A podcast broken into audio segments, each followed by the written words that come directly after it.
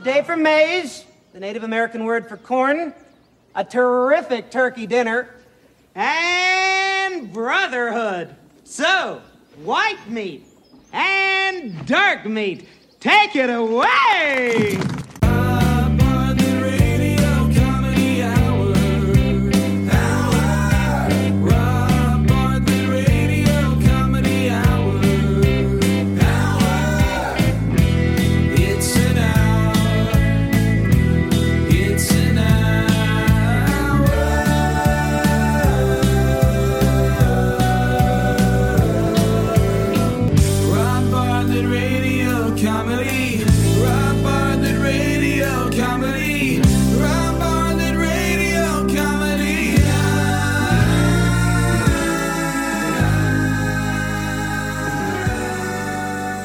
Welcome, welcome, boys and girls, to the Rob Bartlett Radio Comedy Hour, Season 3, Episode 15 Thanksgiving. It's the time of year we all gather with those we love to express our gratitude for everything that's happened this year. And we break bread with members of our family who we try to avoid the rest of the year. Thanksgiving is the harvest festival during which we commemorate the mistreatment of the indigenous Native American people at the hands of the white man. And you couldn't get much whiter than those 17th century yuppies from the Mayflower, cluelessly wandering around the woods, completely unprepared for the imminent, harsh, and unforgiving winter.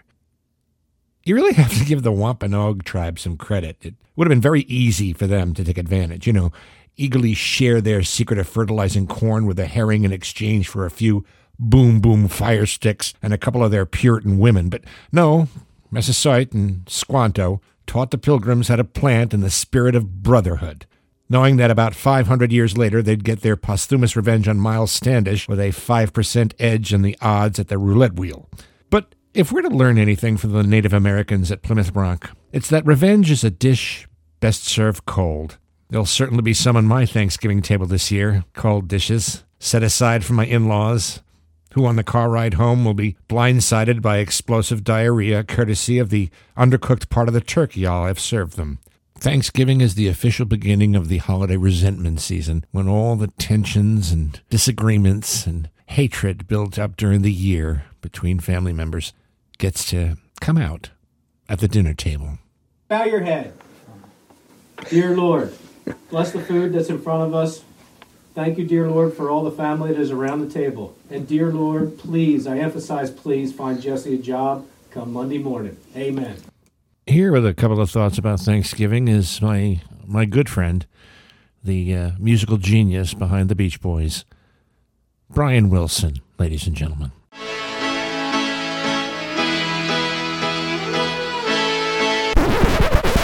Hi, I'm Brian Wilson. How are you? I'm fine. Thanksgiving is a day when there'll be a giant kitty and a hedgehog and Spider Man and the Pillsbury Doughboy going down Broadway and not just on the ceiling of my room like they do on nights when I take an extra magic mushroom before I go to bed. It's Thanksgiving. And when we go around the dinner table and reflect on what we're most thankful for, I will say I'm thankful that I'm not a turkey. The only thing worse than being a turkey on Thanksgiving is being a Chick fil A on Gay Pride Day. I'm also thankful that the first pilgrims didn't shoot a squirrel instead of a turkey, because Thanksgiving dinner would be an entirely different situation if only for the fact that you couldn't have the whole family over because there's not much meat on those things.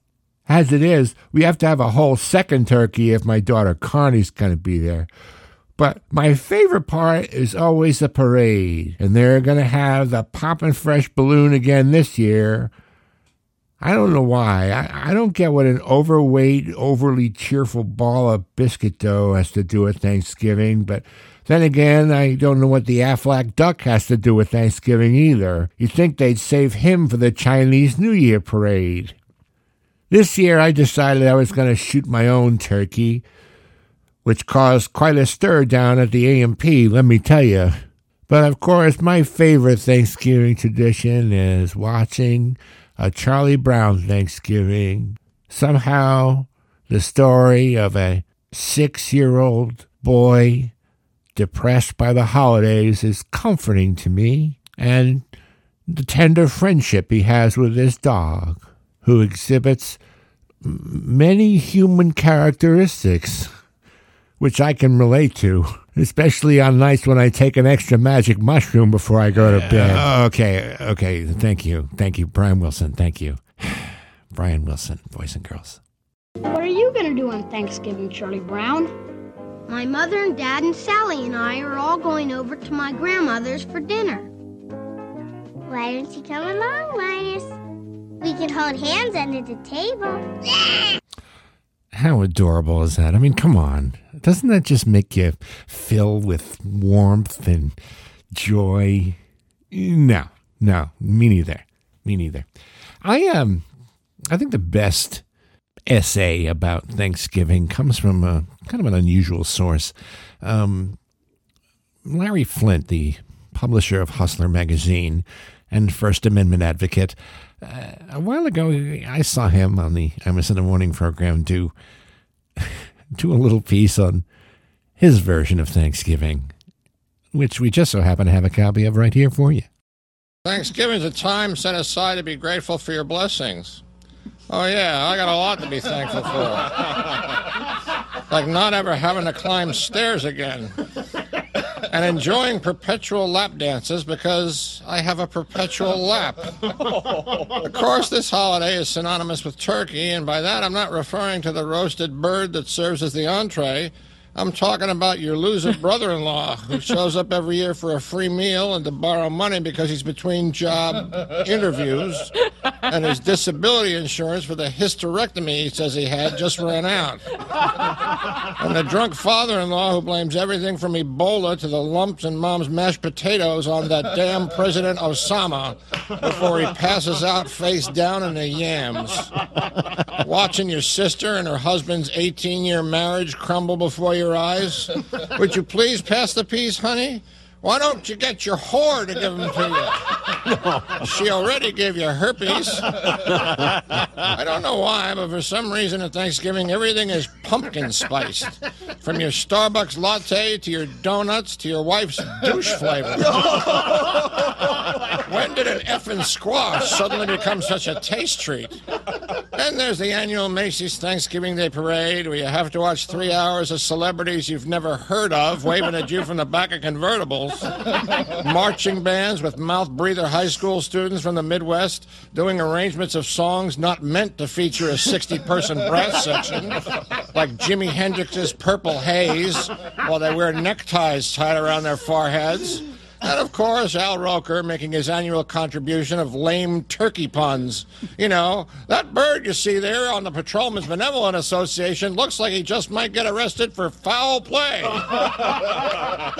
oh, go kill yourself, Roker. Loser. Isn't it time for you to fly down 6th Avenue being pulled by ropes held by circus clowns? Pass the stuffing. Here you go. I can't reach it. Larry, Larry Flynt, boys and girls. Always a pleasure to hear from him. You know, um, not a lot of Thanksgiving movies. I mean, there are a couple. Um, Planes, Trains, and Automobiles is the one that leaps to mind for me. And um, there's not as many as there are Christmas movies. Um, but there's a really great Thanksgiving scene in Addams Family Values, which was the sequel to the original Addams Family with Raul Julia playing Gomez. Wednesday and Pugsley go to summer camp where two counselors, played by Peter MacNicol and um, Christine Baranski, direct the kids in a Thanksgiving musical that they've written. This big extravaganza. One of the funnier things I've ever seen about Thanksgiving. Here's, here's a little taste. I am so glad we invited the Chippewas to join us for this holiday meal. Remember, these savages are our guests. How? I am Pocahontas, a Chippewa maiden. We have brought a special gift for this holiday feast. I am a turkey. Eat me! Sauteed or barbecued. Eat me! We once were pets,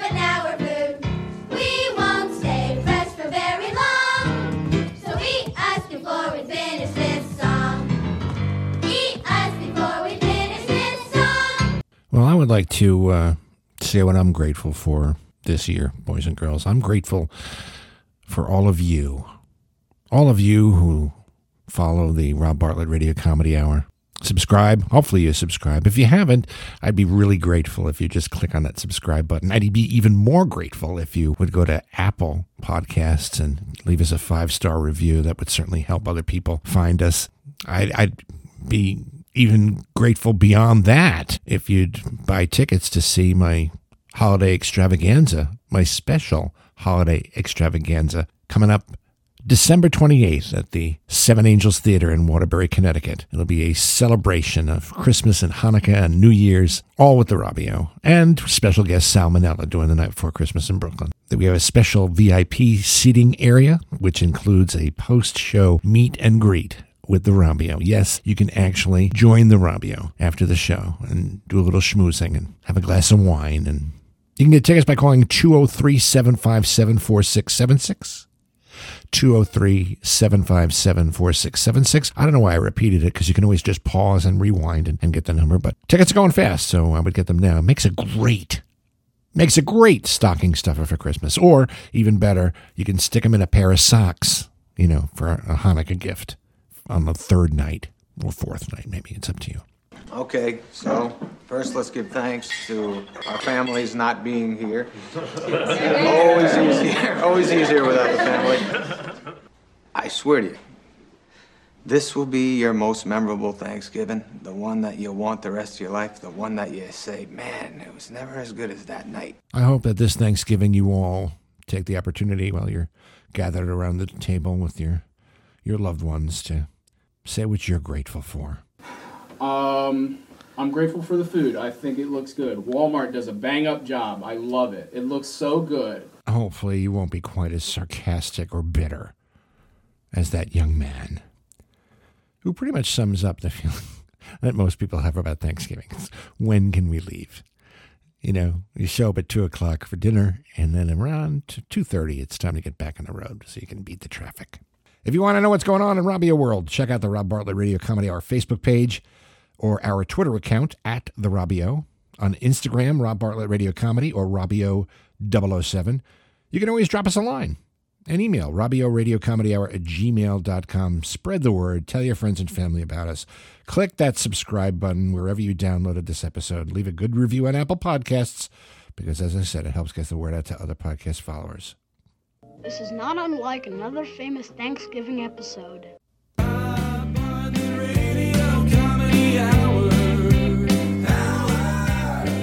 Our program produced by Gary Grant and me, Rob Bartlett, actorized by me, Rob Bartlett, written by me, Rob Bartlett, along with the great Andrew Smith.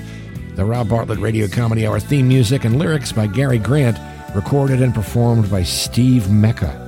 All stunts were done by me, Rob Bartlett, Mr. Bartlett's Wardrobe by Botany 500. No animals were harmed in the production of this podcast. We'll see you again next time on the Rob Bartlett Radio Comedy Hour, boys and girls. But until then, be good to each other, won't you?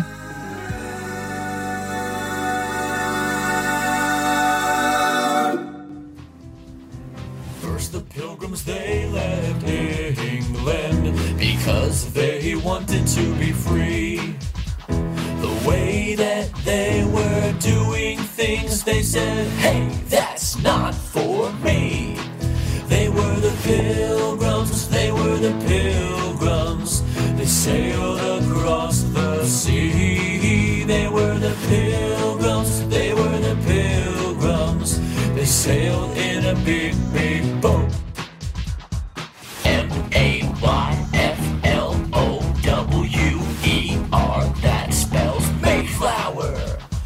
Travel overseas was difficult. It was not a happy boat ride. But after many bumpy days of sickness and storms, they reached the other side. They were the pilgrims, they were the pilgrims. They sailed across the sea.